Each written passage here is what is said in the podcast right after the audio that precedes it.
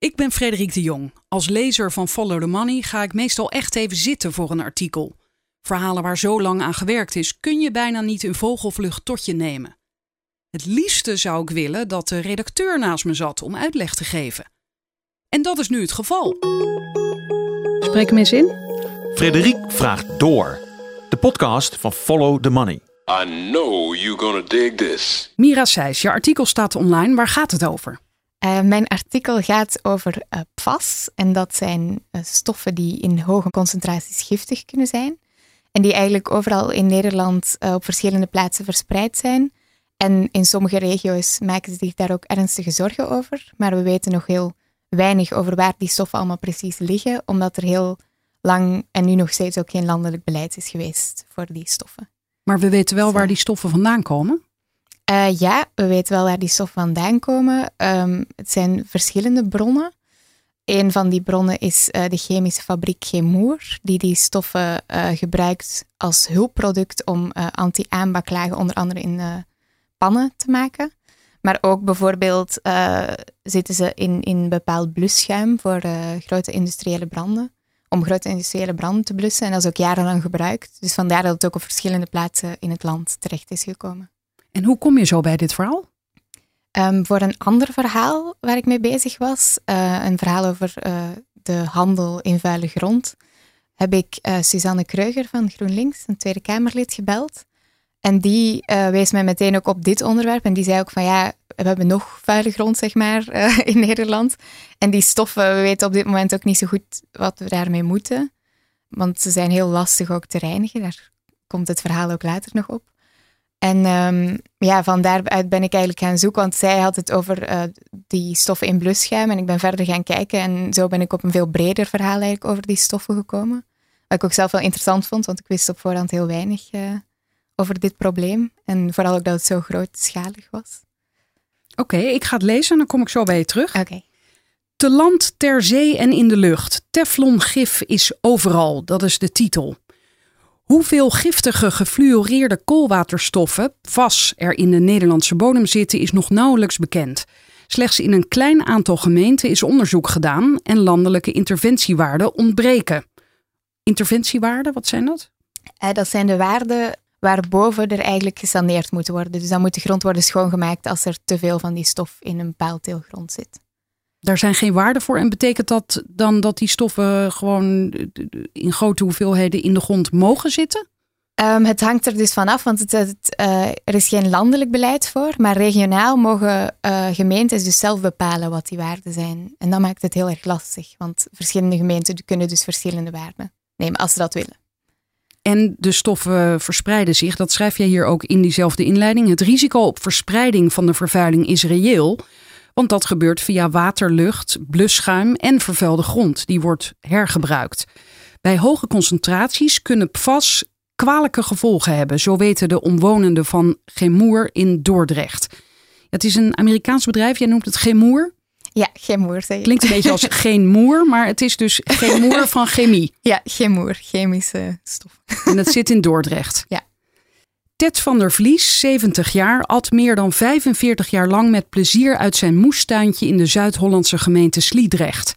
Met zijn vrouw en kleinkinderen plukte hij er graag appels of oogste er zijn zelfgekweekte courgetten en boerenkool. Maar sinds vorig jaar durft hij dat niet meer. Zijn tuin is vervuild met PFOA, een stof die onder natuurlijke omstandigheden niet afbreekt, die ernstige ziektes en voortplantingsproblemen kan veroorzaken en schadelijk is voor het milieu. Uit bloedonderzoek van het RIVM blijkt dat Van der Vlies zeer hoge waarden van deze stof in zijn bloed heeft. 157,9 microgram per liter bloed. En dat is ver boven de mediaan, 3,5 microgram PFOA per liter, die in Europese onderzoek is vastgesteld. Bij mediaan staat, daar kan ik doorklikken, de middelste uit de reeks gemeten waarden geordend van klein naar groot. Even kijken, dus zijn waarde is, uh, er mag maximaal 3,5 microgram en hij heeft 157,9. Het is niet maximaal 3,5, maar dat is de mediaan. Dus, dus als je een hele reeks getallen hebt, uh, van als je al die mensen hebt gemeten in Europa, een, een, er is een steekproef genomen en daarvan dan de middelste waarde, als je dus al die waarden... Het gemiddelde eigenlijk? Klein, nee, niet, het is niet hetzelfde als het gemiddelde. Oké. aangezien je echt de middelste waarde neemt. En het voordeel van die waarde te nemen is dat er geen uitschieters de waarde kunnen beïnvloeden. Dus als je het gemiddelde neemt en je hebt plots iemand die bijvoorbeeld 157, dan kan het gemiddelde heel veel hoger worden. Maar door de mediaan te nemen heb je dus niet die uitschieters die van invloed zijn. En daardoor weten we eigenlijk dat het nog kwalijker is dus. Voor deze man in, ja, in principe wel, ja. ja. ja. En jij schrijft, Van der Vlies heeft nu kanker, maar een oorzakelijk verband met deze stoffen is moeilijk aan te tonen. Hij noemt zichzelf Frank de giftigste man van Sliedrecht. Ja, ja. Uh, voor hem is het inderdaad uh, geen fijn verhaal. Ik weet, het is ook lastig dus om te zeggen of die stoffen nu echt de oorzaak zijn van die ziekte. Want uh, daar, daar hebben heel veel wetenschappers zich al over gebogen en is eigenlijk nooit een rechtstreeks resultaat aangetoond. Maar hij gelooft natuurlijk wel dat het daardoor komt. Dus hij vindt uh, Gemoer wel de oorzaak van zijn ziekte. Pal tegenover Sliedrecht aan de rivier de Merwede ligt het gigantische terrein van de chemiefabriek Gemoer, voorheen DuPont. Je kunt zeggen dat het moestuintje van Van der Vlies onder de rook van Gemoer ligt. Het gaat alleen niet om rook, maar om fijnstof. En dan komen we bij een kader waarin jij uh, uitlegt, uh, even kijken, Amerika versus Nederland. Zal ik dat voorlezen? Ja, dat hebben we wel nodig, hè, deze informatie. In de Verenigde Staten zijn in de jaren 90 verschillende mensen in de omgeving van Gemour Dupont ernstig ziek geworden. Ook vee in de omgeving stierf in grote getalen. Dat werd in verband gebracht met de fluorhoudende stoffen zoals PFOA die Gemour Dupont uitstoten. Het bedrijf gebruikte PFOA jarenlang als hulpstof voor de productie van Teflon, een materiaal dat als anti-aanbaklaag wordt gebruikt. In de jaren 90 spanden burgers de eerste zaken aan tegen DuPont. En later spanden ook andere dergelijke zaken aan. In 2015 liepen er ruim 3500 civiele zaken tegen de chemiefabriek. Ook in Nederland, vlakbij Dordrecht, stond een fabriek van Chemour. Maar waar de kwestie in de VS werd gezien als een ongekend milieuschandaal, bleef het in Nederland stil. Je schrijft, stond een fabriek, die staat er nog steeds. Ja, die staat er nog steeds. Ja, ja, ja. klopt. Ja. De stof, in de VS beter bekend onder de molecuulnaam C8, wordt daar sinds 2001 aangemerkt als een van de giftigste en hardnekkigste chemische stoffen die in het milieu en het menselijk lichaam terecht zijn geraakt. Follow the Money onthulde in 2015 dat DuPont decennia achtereen de giftigheid van PFAS had verdoezeld. Die onthullingen van Follow the Money, waar gingen die toen over? Um, dat had eigenlijk te maken dus met het feit dat er in Amerika uh, een probleem was met de gemoerfabriek. En daar hadden ze dat al een tijdje door. Alleen in Nederland werd er nog niks over gezegd. En toen heeft Arne van der Wal uh, van For the Money heeft zich, uh, heeft, heeft daar eens naar gekeken en heeft gezegd van ja, hoezo hebben wij dan nog nooit onderzoek gedaan bij Gemoer als wij dezelfde fabriek hebben met dezelfde stoffen, wat op zich een heel logische vraag was. Maar pas nadat hij dat artikel heeft gepubliceerd, zijn die onderzoeken ook gedaan en is alles aan het rollen gebracht.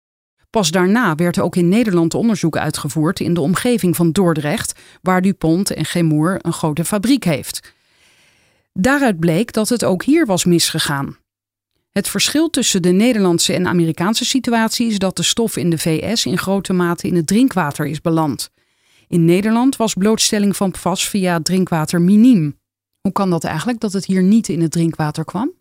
Dat is volgens mij zo omdat Nederland een andere manier heeft om drinkwater te vervoeren. Want ik uh, kreeg ook mee dat volgens mij of in Duitsland of in Zweden, of zelfs in allebei, dat daar ook in het drinkwater terecht was gekomen. Omdat ze daar een andere manier hebben van drinkwater vervoeren. Dus dat was dan de reden. En het RIVM heeft ook wel in Nederland onderzoek gedaan naar de hoeveelheid in het drinkwater. Maar ze hebben gevonden dat het echt een stuk lager was dan in Amerika en eigenlijk verwaarloosbaar. Dus uh, ja, het, het, is toch een verschil blijkbaar. Ja. Pas in 2013 werd PFOA op de lijst gezet die het RIVM bijhoudt van zeer zorgwekkende stoffen. Nadat PFOA in Europees verband gesignaleerd werd als gevaarlijke stof. Een onderzoek naar PFAS in de bodem bij het Dordrechtse Gemoer bleef vooralsnog uit.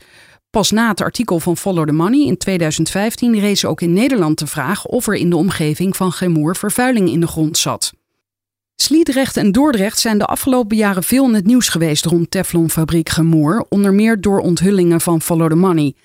Tientallen jaren ontving Gemoer Dupont vergunningen van de provincie om eerst met PFOA en toen dat in 2012 niet meer mocht, met Gen X te werken. Doordat de gevaren van de stoffen aanvankelijk niet bij de overheid bekend waren, kon het bedrijf de stoffen jarenlang legaal in beperkte mate uitstoten via de lucht en ook lozen in het water. Zo kwamen de stoffen terecht in de moestuinen in de buurt van de fabriek, ook bij het tuintje van Van der Vlies. In juli 2017 troffen VU-onderzoekers bij verkennend onderzoek verhoogde concentraties PFOA aan op het gras en de bladeren die ze in de omgeving van Gemoer onderzochten. Ze raden de omwonenden in eerste instantie aan om niet meer uit hun moestuintjes te eten. Vervolgens mocht dat, na uitgebreid onderzoek van het RIVM in datzelfde jaar, weer wel. Alleen het fruit en de groenten in een straal binnen een kilometer van de fabriek konden de liefhebbers volgens het RIVM beter met mate consumeren. Dit vanwege de combinatie met andere mogelijke blootstellingsroutes, bijvoorbeeld de lucht. Dat is ook heel verwarrend voor die omwonenden. Eet niet meer uit je tuin en binnen hetzelfde jaar, eh, ja, het kan toch wel. Ja, ik denk ook bij de VU uh, dat ze die, dat advies eigenlijk hadden gegeven als een soort waarschuwing, want ze hadden toen nog maar een heel klein onderzoek gedaan. En uh, maar slechts een aantal waarden dus uh, gevonden, een aantal verhoogde waarden. Dus daarna heeft RIVM echt uitgebreid onderzoek gedaan. En uh, hebben die gezegd van ja, volgens ons kan het weer wel. Maar ja, het is inderdaad wel, ik snap dat het wel verwarrend kan zijn, ja. En ik denk ook dat mensen toen ze de, dat eerste advies hoorden al dachten, nou laat maar helemaal zitten, zitten, met die moestuin. Ja, er zijn zeker mensen die dat toen dachten, ja. ja. Maar goed, de vraag is waar ze hun groenten dan wel vandaan halen. De supermarkt haalt het misschien ook uit de buurt, dat weet je Precies, ook niet. Ja. Maar wat blijkt, er is opnieuw onduidelijkheid. De Europese Autoriteit voor Voedselveiligheid, de EFSA, heeft enkele maanden geleden een nog niet gepubliceerde nieuwe conceptrichtlijn opgesteld voor de maximale wekelijkse inname, die ze in augustus dit jaar presenteerde op het Dioxin-congres in Krakau. Volgens de VU-onderzoekers is de nieuwe richtlijn 15 keer strenger voor PFOA dan de waarde die het RIVM heeft gebruikt. Omwonenden kunnen misschien toch niet zorgeloos de gewassen eten, zoals het RIVM eerder meldde. Promovenda Ike van der Veen van de VU zegt daarover. In Dordrecht zijn door ons lab vorig jaar een aantal struiken bemonsterd en de EFSA heeft pas de normen aangescherpt. Als jij regelmatig uit die tuintjes eet, kom je daar al snel boven. Van der Veen bestudeert bij de afdeling Milieu en Gezondheid het gebruik van PFAS in outdoorkleding. De stoffen worden gebruikt om textiel, zoals jassen en handschoenen, water- en vuilafstotend te maken. Gewoonlijk nemen Europese lidstaten de richtlijn van de Europese Autoriteit voor Voedselveiligheid rechtstreeks over, maar ditmaal wijkt het RIVM af van deze staande praktijk. De twee organisaties zijn momenteel in discussie over de conceptrichtlijn voor risicowaarden. Volgens ingewijden zijn ze het onderling oneens over de wetenschappelijke methode die is gebruikt om die risicowaarden af te leiden. Mogelijk baseert het RIVM zich op laboratoriumonderzoek naar de effecten van PFAS in het bloed van dieren en het EFSA op een onderzoek naar de effecten van PFAS in het bloed van mensen in een niet-experimentele setting. Ja, dus waar moet je dan? Het gaat hier, ja, het gaat ook om dieren, maar het gaat om mensen. Dus uh, waar moet men dan zich op baseren? Ja, het, dat lijkt me dus als wetenschappers ook best wel lastig, want uh, het, RIVM zou dus, uh, naar wat ik heb gehoord, het niet eens zijn met die, die onderzoeken op mensen, omdat het niet in een experimentele setting is. En dan is het dus ook soms heel lastig om te bepalen of er geen andere factoren zijn die misschien van invloed zijn. Bijvoorbeeld iemands levensstijl. Als iemand veel rookt of veel rood vlees eet bijvoorbeeld. Dat kunnen ook factoren zijn die meespelen. Dus ik denk vandaar dat het ook best wel lastig is van moeten we ons dan baseren op dit of op dat? Want dus, die, uh, die stoffen zijn uh, de, hoger in je lichaam als je meer rood vlees eet en rookt? Of dat kan? Nou ja, nee, maar uh, de effecten bijvoorbeeld um, worden ook gemeten. Het gaat ook om gezondheidseffecten. En die vast kunnen bijvoorbeeld zorgen voor een hogere cholesterol. Maar die hogere cholesterol kan ook weer de oorzaak zijn, allee, het resultaat ja. zijn van meer rood vlees eten, bijvoorbeeld. En dus, die in niet-experimentele setting, wat houdt dat in? Uh, in gewoon zeg maar in de natuurlijke omgeving. Dus, dus ze hebben uh, gewoon een, een, aantal mensen onderzocht? En jarenlang, ja, dat is wat ik heb meegekregen. Ja, ja. Maar het belangrijkste is in ieder geval dat zij het niet met elkaar eens zijn. En dat ja. die richtlijn daardoor nog steeds niet is gepubliceerd? Of heeft dat weer een andere reden? Uh, vermoedelijk niet per se daardoor. Want de lidstaten hebben altijd de mogelijkheid om iets te zeggen als ze het er niet mee eens zijn. Maar ja, dit, die wordt op een bepaald moment gepubliceerd. En dat is meestal ook op voorhand afgesproken. Ook denk ik dat iedereen nog op voorhand inspraak kan hebben. Dus uh, ik denk niet dat het per se daaraan ligt. Maar het is wel interessant om inderdaad te zien vanaf dat die waren gepubliceerd zijn ook, of er dan inderdaad een bijschrift komt van uh, het RIVM neemt de waarde wel of niet over, want... En dan uh, waarover de discussie gaat, want dat is dus blijkbaar wel verplicht om erbij te zetten als ze nog steeds in discussie zijn. Dus ik ben ook heel benieuwd. Ja, en jij schrijft hier in de komende weken wordt volgens de EFSA-woordvoerder de definitieve richtlijn op de website van de organisatie ja. gepubliceerd. En die wordt volgens een woordvoerder van het RIVM vergezeld van een statement over het verschil van mening. Ja, wat, ja. Jij, wat jij zegt. Precies. Tenzij die in de tussentijd tot overeenstemming komen. Ja. Of het RIVM de beoogde richtlijn nog kan beïnvloeden, wil de woordvoerder niet zeggen. Ik moet daarover mijn mond houden. Dat is de manier om netjes met elkaar om te gaan. Ja. ja, je lacht nu. Ja, is, ik, vond, ja, ik, uh, ik uh, vond het best wel geheimzinnig uh, klinken. Bijna hoe dat het zo werd voorgesteld. Dus dat maakte mij alleen maar meer benieuwd naar die nieuwe richtlijn. Ja, en wat mij opvalt is, hij is dus in augustus op een congres al besproken. Ja. En hij gaat in ieder geval strenger worden, maar hoeveel strenger, dat is dus nog niet duidelijk. Ja, en het is zelfs niet per se zo dat het strenger moet worden of, of zal worden, maar dat is wel wat iedereen al op voorhand verwachtte. Aangezien uh, dat meestal zo is bij dit soort stoffen bijvoorbeeld, dan wordt na een tijd pas duidelijk hoe gevaarlijk ze echt zijn. En bij deze stoffen was van alle, de meeste experts wel de verwachting dat ze sowieso de waarde strenger zouden worden. Maar moeten mensen dat niet gewoon zo snel mogelijk weten? Ja, want hier gaan we ja. een paar maanden overheen, meerdere maanden eigenlijk.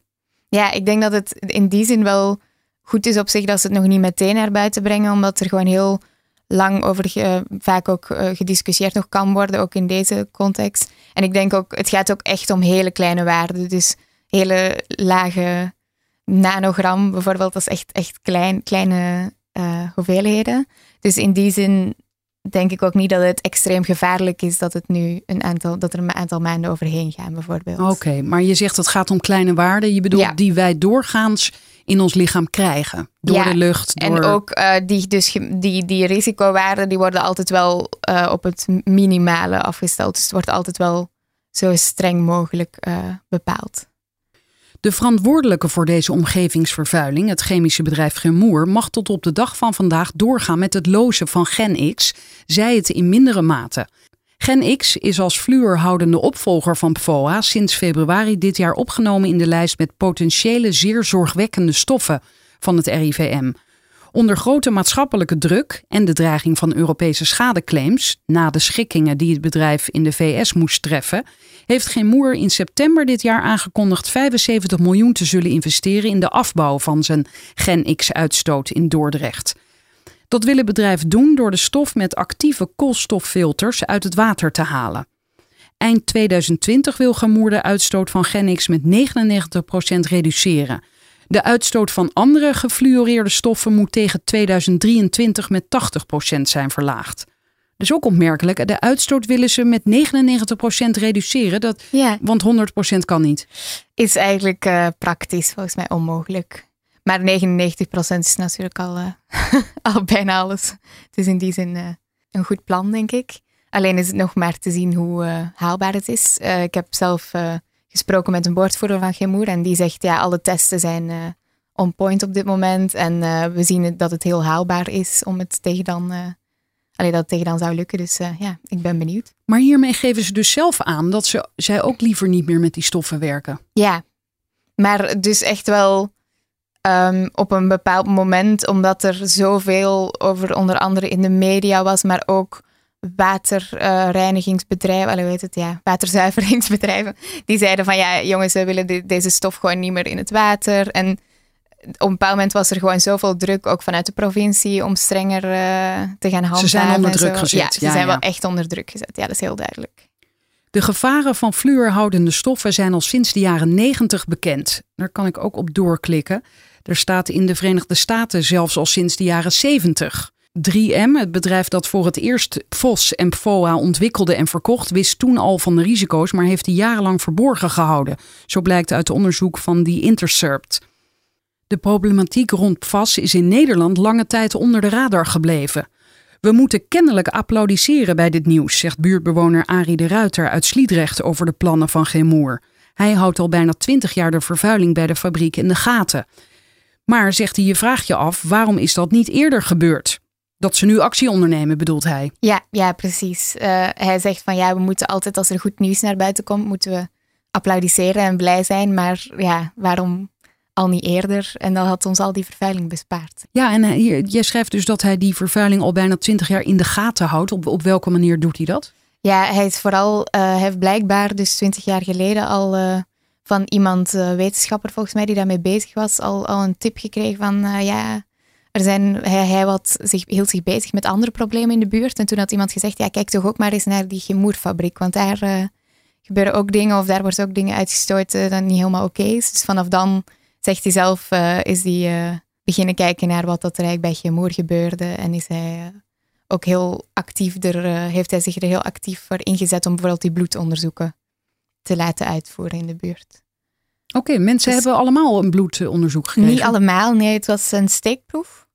Maar uh, in het begin was er eigenlijk nog weinig, uh, ja, waren er weinig mensen ook binnen de provincie en zo die het zagen zitten blijkbaar, zegt hij. Want hij zei van ja, we hebben zelf als eerste actie ondernomen, als eerste gezegd wij willen dat bloedonderzoek. En ze hebben echt voor gaan lobbyen eigenlijk bijna. En op een bepaald moment is dat dan ook inderdaad aangeslagen. En hebben ook heel veel mensen zich daarvoor aangemeld of hebben dat gevraagd. Hoeveel mensen weet je dat? Ik dacht dat er nu, uh, las ik in het AD volgens mij, dat er nu al meer dan 650 mensen zo'n bloedprik hebben gekregen. En wat bleek daaruit?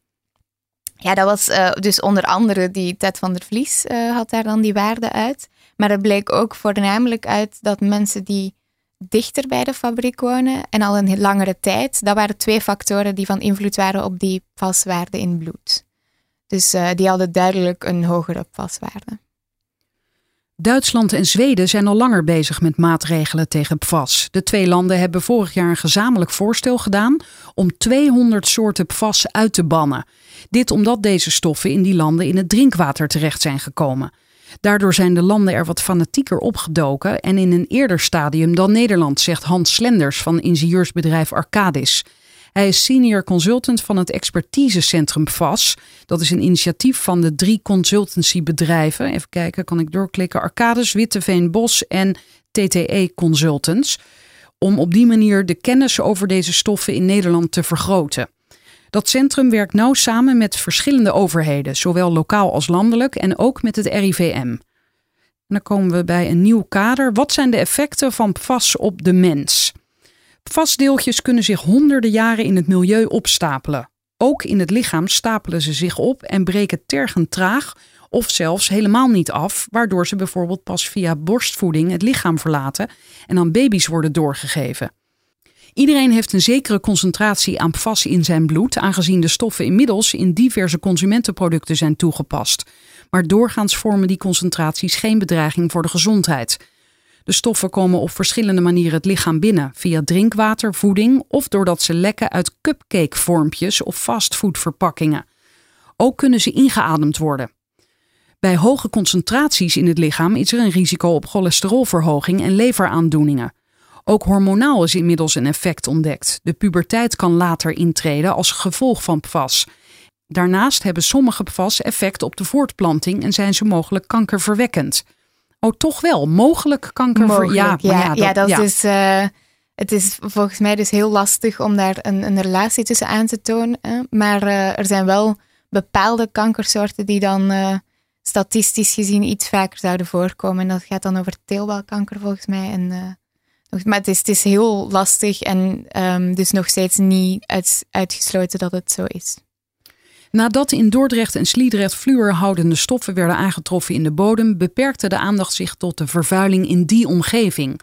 Daardoor had het de schijn dat vastvervuiling een lokaal probleem was. Maar er zijn ook andere plaatsen in Nederland waar PFAS in de grond zitten, al zijn ze nog niet allemaal bekend. De stoffen komen onder andere in de bodem terecht door PFOA en PFAS-houdend blusschuim.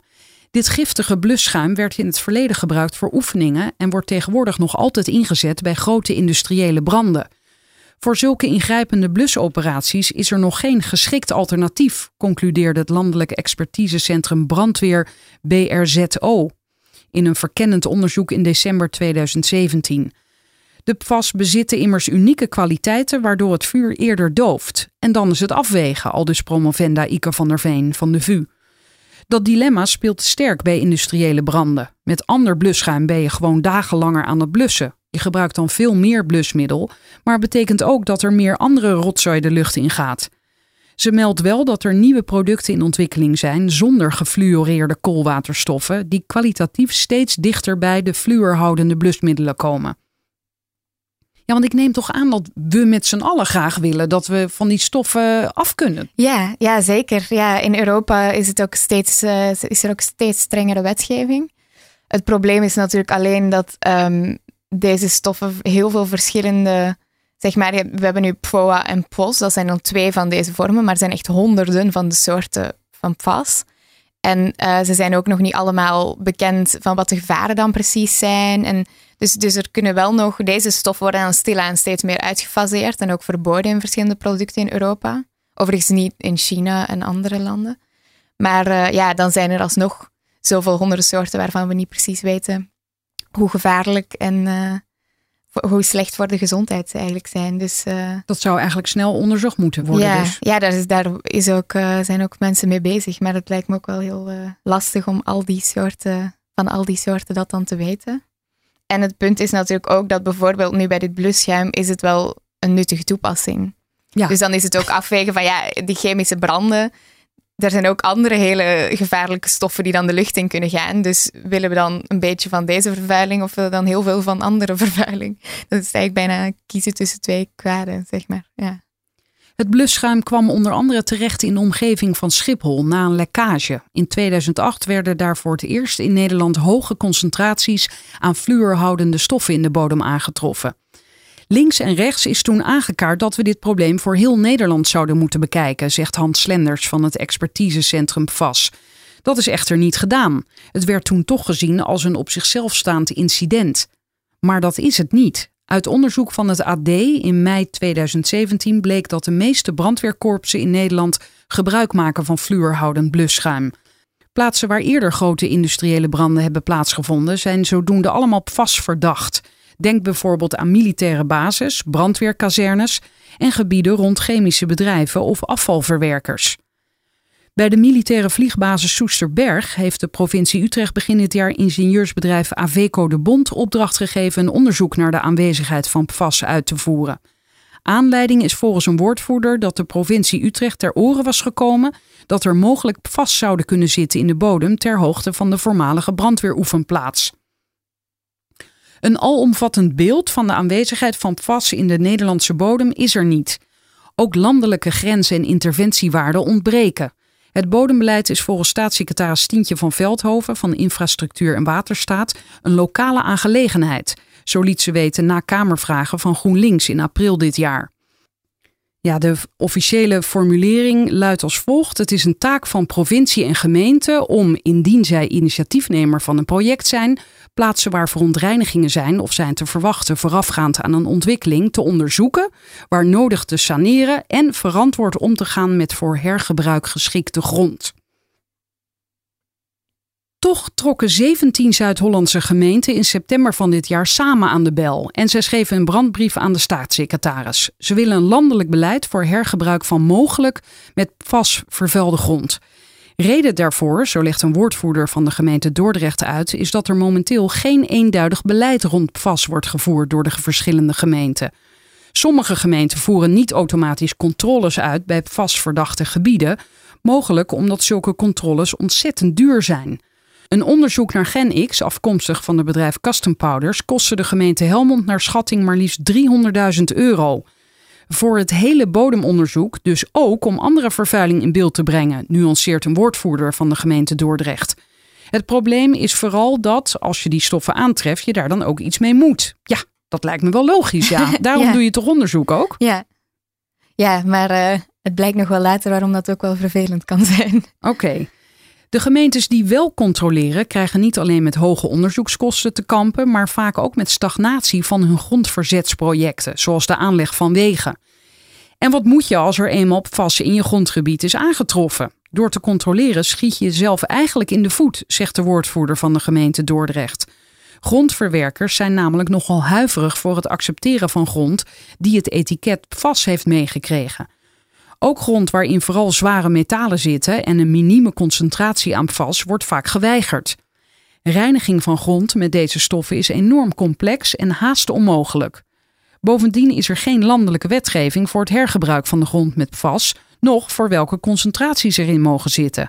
Afvalverwerkers nemen dus liever geen risico's met zulke grond. Ja, ja, dus als gemeente denk je, ja, ik wil het onderzoeken, want ik wil, mag ik aannemen, mijn burgers beschermen. Ja, Maar dan komen we mogelijk wel voor nieuwe problemen te staan en voor veel kosten. en voor hogere kosten, ja precies. Dat is eh, de afweging dan. Ja. En zou dan een oplossing zijn, wie, wie moet je dit dan laten betalen? Ja, de vervuiler. De vervuiler, ja, dat zou een oplossing zijn inderdaad. Ehm, ja, en het, het, wat dat zij ook als probleem signaleren, is dat daardoor een ongelijkheid bestaat tussen verschillende gemeenten, omdat sommigen het wel heel nauwkeurig willen onderzoeken, andere gemeenten dan weer niet. Dus ja, dan, dan eh, komt er op die manier weer risico. Maar de, de gemeentes die het wel nauwkeurig willen onderzoeken, zijn dat rijkere gemeentes bijvoorbeeld? Dan denken zij, we hebben er in ieder geval geld voor? Of? Niet per se, dat zijn gewoon gemeentes die het belangrijk vinden. En soms ook, ja, bijvoorbeeld Dordrecht is best wel vanzelfsprekend, zeg maar, met eh, geen moer in de buurt. Dus die kunnen het bijna niet maken om het niet te onderzoeken daar. Dus ja, het hangt denk ik daar ook een beetje van af. De gemeenten in de regio Zuid-Holland-Zuid hebben intussen zelf regels opgesteld voor toepassing van grond met PFAS. Net als de gemeente Haarlemmermeer, waar Schiphol deel van uitmaakt. Zo schrijven ze in die brief. In onze regio en in de Haarlemmermeer is onderzoek naar PFAS voor toepassing verplicht. In de overige delen van Nederland bestaan dergelijke regels niet. Dit terwijl hier wel grondverzet plaatsvindt en onvermijdelijk ook PFAS-verdachte grond voorkomt. Dergelijk ongereguleerd grondverzet leidt tot ongewenste verspreiding van vasthoudende grond naar nu nog schone gebieden. En dan komen we weer bij een apart kader, vast over de grenzen heen. Wat vertel jij hier? Ehm, hierin staat eigenlijk dat die pas eh, absoluut niet lokaal is en zeker niet beperkt tot een bepaald gebied. Want eh, dat blijkt ook uit het feit dat op de Noordpool, een gebied dat volgens mij eh, Oh, ja, best wel een schoon gebied zou horen te zijn. Ehm, daar komen die stoffen dus ook voor. En dat komt dus met name omdat ze ook via de lucht verspreiden, zich verspreiden. En dan eh, als kleine deeltjes, zeg maar. En dan door de kou op de Noordpool dan weer neerstrijken. En daar zijn ze blijkbaar ook al gevonden in bijvoorbeeld eh, bloed van pinguïns. Dus dat zijn eh, ja, van die dingen die je dan niet verwacht. Eh, zeker omdat het dus ook stoffen zijn die echt door de mens geproduceerd zijn. oh Dus want het ik wou niet- net vragen, is het wel zeker dat die stoffen er niet al Ja. waren? Ja, dat kan, ja, het zijn echt eh, door de mens geproduceerde stoffen. Dus het, het kan niet anders dan dat het door ons komt, zeg maar. dat ze daar ook zijn. En ja, ook in andere landen hebben ze heel veel last met die PFAS. Ehm, in China is er bijvoorbeeld ehm, bijna, ja, volgens mij zelfs geen regulering voor. Dus daar worden echt eh, hele grote hoeveelheden ook gewoon in rivieren gestort. En daar hebben ook best wel veel bewoners last van. Daar heeft ook, eh, heeft ook de Intercept eh, nog een stuk over geschreven. Ja, die noemden we natuurlijk eerst, hè? die eerder al, die Intercept. Een dat is onderzoeksmedium in Amerika, ja. Ja, heel, een beetje het Amerikaanse follow the money. misschien wel, ja. ja. Ja. Wel, ja. Heel gedegen onderzoek, zeg maar, doen zij ook. En ehm, in Australië hebben ze bijvoorbeeld ook weer last van die eh, pas. En eh, daar hebben ze dus nu ook, nu speelt dat ook daar heel erg, met dat ze daar ook bij verschillende luchthavens en eh, brandweerkazernes on, aan het onderzoeken zijn. In juni nog op 90 plaatsen volgens mij. Dus ja, het is eigenlijk speelt het een beetje overal. Het is echt geen lokaal probleem. Ik zie hier ook de zin staan begin november, eh, dat gaat dan over Australië, kwam bijvoorbeeld naar buiten dat het ministerie van Defensie mensen die in de buurt van de Richmond Airbase wonen waarschuwde om minder eieren, rood vlees en vis uit de buurt te eten wegens Ja.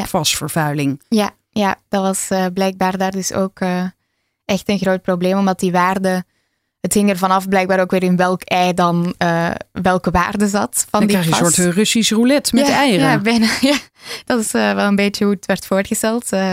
maar ja, daarom werden die mensen dus gewaarschuwd om, om het niet te veel van te eten. Of niet, niet van te eten zelfs. Dat zijn dus hele duidelijke adviezen Ja, die we hier nog niet hebben. Hè? nee. Ik denk ook wel dat het te maken heeft met het feit dat hier de hoeveelheden waarschijnlijk ook gewoon kleiner zijn. Die hoeveelheden daar waren echt wel on- onrustwekkend, zeg maar. Dus dan, eh, en hier wordt wel vaak gemeten en die hoeveelheden zijn toch wel lager. Als reden voor de decentralisatie in het bodembeleid stelt een woordvoerder van staatssecretaris Van Veldhoven dat gemeenten de omgeving beter kennen en beter kunnen bepalen wat voor hen nodig en van toepassing is. Maar experts betwijfelen of dat klopt. Hans Slenders van het expertisecentrum PFAS heeft bij meerdere gemeenten onderzoek gedaan naar PFAS in de bodem. Hij stelt dat deze problematiek wel erg complex is om over te laten aan lokale bestuurders en ambtenaren. Het is niet goed mogelijk om voor PFAS alle expertise en ervaring in elke gemeente op te bouwen, zegt hij. Ondertussen weten we ook dat de stoffen te breed verspreid zijn om het als lokaal probleem te benaderen. Bovendien is dat volgens hem ook niet erg effectief. Dan moet elke lokale of regionale overheid zelf het wiel uitvinden. Het zou veel efficiënter zijn wanneer dat centraal wordt aangestuurd. Een lappendeken aan verschillend beleid voor grondstromen is voor regio-overschrijdende activiteiten, zoals de aanleg van leidingen en wegen, niet handig. De omgang met PFAS is voor het ministerie nog steeds aftasten. Er ligt nu een verzoek bij het ministerie om een landelijke norm voor PFAS te bepalen. Dat zegt de woordvoerder van Van Veldhoven midden november. Het ministerie van INW heeft het RIVM opdracht gegeven om de risicogrenswaarde te bepalen. Op basis daarvan zullen we in overleg met de decentrale bevoegde gezagsorganen kijken hoe hier het beste mee kan worden omgegaan. Daarnaast is het ministerie in den brede bezig om samen met de decentrale overheden te gaan kijken hoe omgegaan kan worden met nieuwe opkomende stoffen. Over die grenswaarde is voorlopig dus nog onduidelijkheid, gezien de betwiste conceptrichtlijn van de EFSA, die Europese autoriteit. Zo is het ook nog eens dat als ze dan dit allemaal hebben onderzocht, komen er straks weer nieuwe stoffen bovendrijven. Zeker, ja, dat is, ja, dat is, dat is inderdaad constant zo. Ehm, er zijn nog enorm veel chemische stoffen waarvan we ook gewoon nog niet weten wat ze voor effect hebben. En dat zal dan blijken, denk ik, in de komende jaren. Dat hoop ik, ja. Ja, ja, maar het heeft ook vaak te maken met uh, ja, de, de, jaren 60, 70, waarin heel veel van dat soort uh, stoffen zomaar werden gebruikt. En mensen hadden zoiets van, ja, het maakt allemaal niet zoveel uit. En die hele, ja, uh, dat hele gericht zijn op gezondheid en, en op die effecten van die stoffen en zo is nog maar iets van de laatste jaren, tientallen jaren, zeg maar. Daarvoor was het allemaal een beetje natte vingerwerk, denk ik. Ja, dat vrees ik ook, ja. Ook in Dordrecht en Sliedrecht is het verhaal nog lang niet klaar, denkt Dordrechtenaar Hans van der Slot, die op 400 meter van het hek van de Gemoerfabriek woont. We zijn er nog lang niet. Aan de waarde van het RIVM is de omvang van het risicogebied opgehangen. Maar als die waarden erg onder druk komen te staan, dan is die hele gebiedsafbakening natuurlijk een wassen neus. Dan moet alles op de schop en niet morgen of overmorgen, maar direct. Hij is zelf, net als Sliedrechtenaar Ted van der Vlies, tegenwoordig terughoudend met het eten uit zijn eigen tuin. Ik was toch al niet zo'n uit de tuin eter, zegt Van der Slot. Liever haalt hij zijn groenten bij de groenteboer. Of dat veilig is, weet ik natuurlijk ook niet, maar als ik het hier uit de grond trek, weet ik zeker dat het mis is. Dordrecht, Sliedrecht en Papendrecht hebben Gemoer en Dupont in februari van dit jaar aansprakelijk gesteld voor alle gevolgen van de uitstoot van PFOA en GenX. Denk aan administratieve kosten, kosten door stagnering van grondsverzetprojecten en kosten voor omgevings- en bloedonderzoek, om over de reiniging nog maar niet te spreken. De eerste stap, een gesprek met Gemoer, is achter de rug. Daarbij heeft het bedrijf laten weten de formele aansprakelijkheidsstelling niet te aanvaarden. Onder andere gezien het feit dat er meerdere bronnen zijn van PFOA in Nederland en daarbuiten, zoals blusschuim, zegt een woordvoerder van Gemoer, zou het niet verstandig zijn om te zeggen: wij accepteren de aansprakelijkheid voor de andere partijen. Bovendien is vastgesteld dat de PFAS in de omgeving van Gemoer onder de veilige grens liggen. Veilige grens staat hier tussen aanhalingstekens. Als het gaat om het principe de vervuiler betaalt, geeft hij aan dat de lozingen vergund waren. Welke stappen nu volgen, daarover zijn de gemeenten druk in overleg.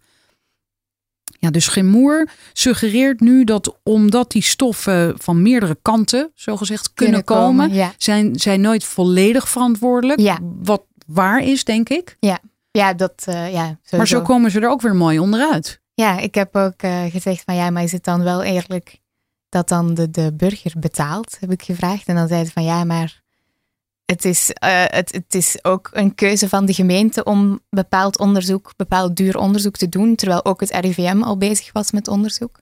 Dus zij zeggen eigenlijk van het is een eigen keuze van de gemeente om dan dat geld ook uit te geven.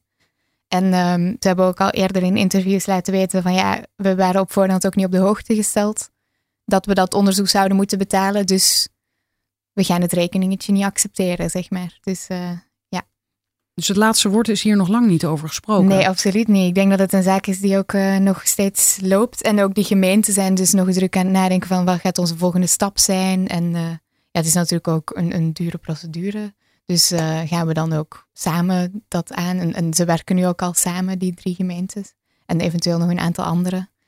Dus nee, zeker niet het laatste woord. Nee. Maar dat, wat jij hier zegt, de eerste stap, een gesprek met Gemoer is achter de rug. Wie, wie, waren er allemaal bij dat gesprek? Nou, dat is een gesprek dus tussen Gemoer en die gemeente die hen aansprakelijk stellen. Dus dat is eigenlijk een gesprek om, om dus te laten weten van ja, accepteren wij dit, accepteren we dit niet. Deze aanspraak. Oké, en ze accepteren het niet dus, inderdaad. En hoe, hoe zit het dan met die afzonderlijke burgers die jij ook opvoert in je verhaal? Zijn zij nog procedures begonnen? Of wat, wat, voor, wat kunnen zij doen? Ja, veel burgers hebben blijkbaar ook het idee dat ze heel weinig kunnen doen, aangezien ze zeg maar een individu zijn tegenover zo'n groot bedrijf met goede advocaten. En dat, dat is iets wat ik vaker hoor. Er zijn wel een aantal advocaten hiermee bezig ook. En um, die proberen ook meer gezamenlijke zaken te, um, hoe heet het, bij elkaar te brengen. Alleen uh, zijn er ook veel burgers die hier niet echt in geloven, omdat ze ook zelf zeggen van, en dat is volgens mij ook misschien wel waar, dat het recht in Amerika meer is ingesteld op die letselschade. Dus in Amerika heb je veel meer um, ruimte om, om mensen aan te klagen voor letselschade. Bijvoorbeeld, iemand gaf me ook het voorbeeld van als er bij McDonald's een kop koffie in je schoot wordt uh, gemorst, zeg maar, dan kun je meteen McDonald's aanklagen voor vijf ton of zoiets. Vijf ton? nou ja, dat is misschien wat overdreven. Dat is misschien wel overdreven, dat dacht ik toen ook. Maar uh, ja, bij wijze van spreken dus. En in Nederland is het gewoon veel minder gebruikelijk om dat soort dingen... Um, Want daar lopen dus kennelijk wel meerdere zaken. Daar lopen ook meerdere zaken. En um, ja, veel mensen denken ook dat ze daardoor in Amerika ook veel meer kans maken om uh, zaken te winnen. Ze hebben daar ook een uh, grote schik in gedaan, gemoer. Dus daar is ook... daar is al zeker betaald.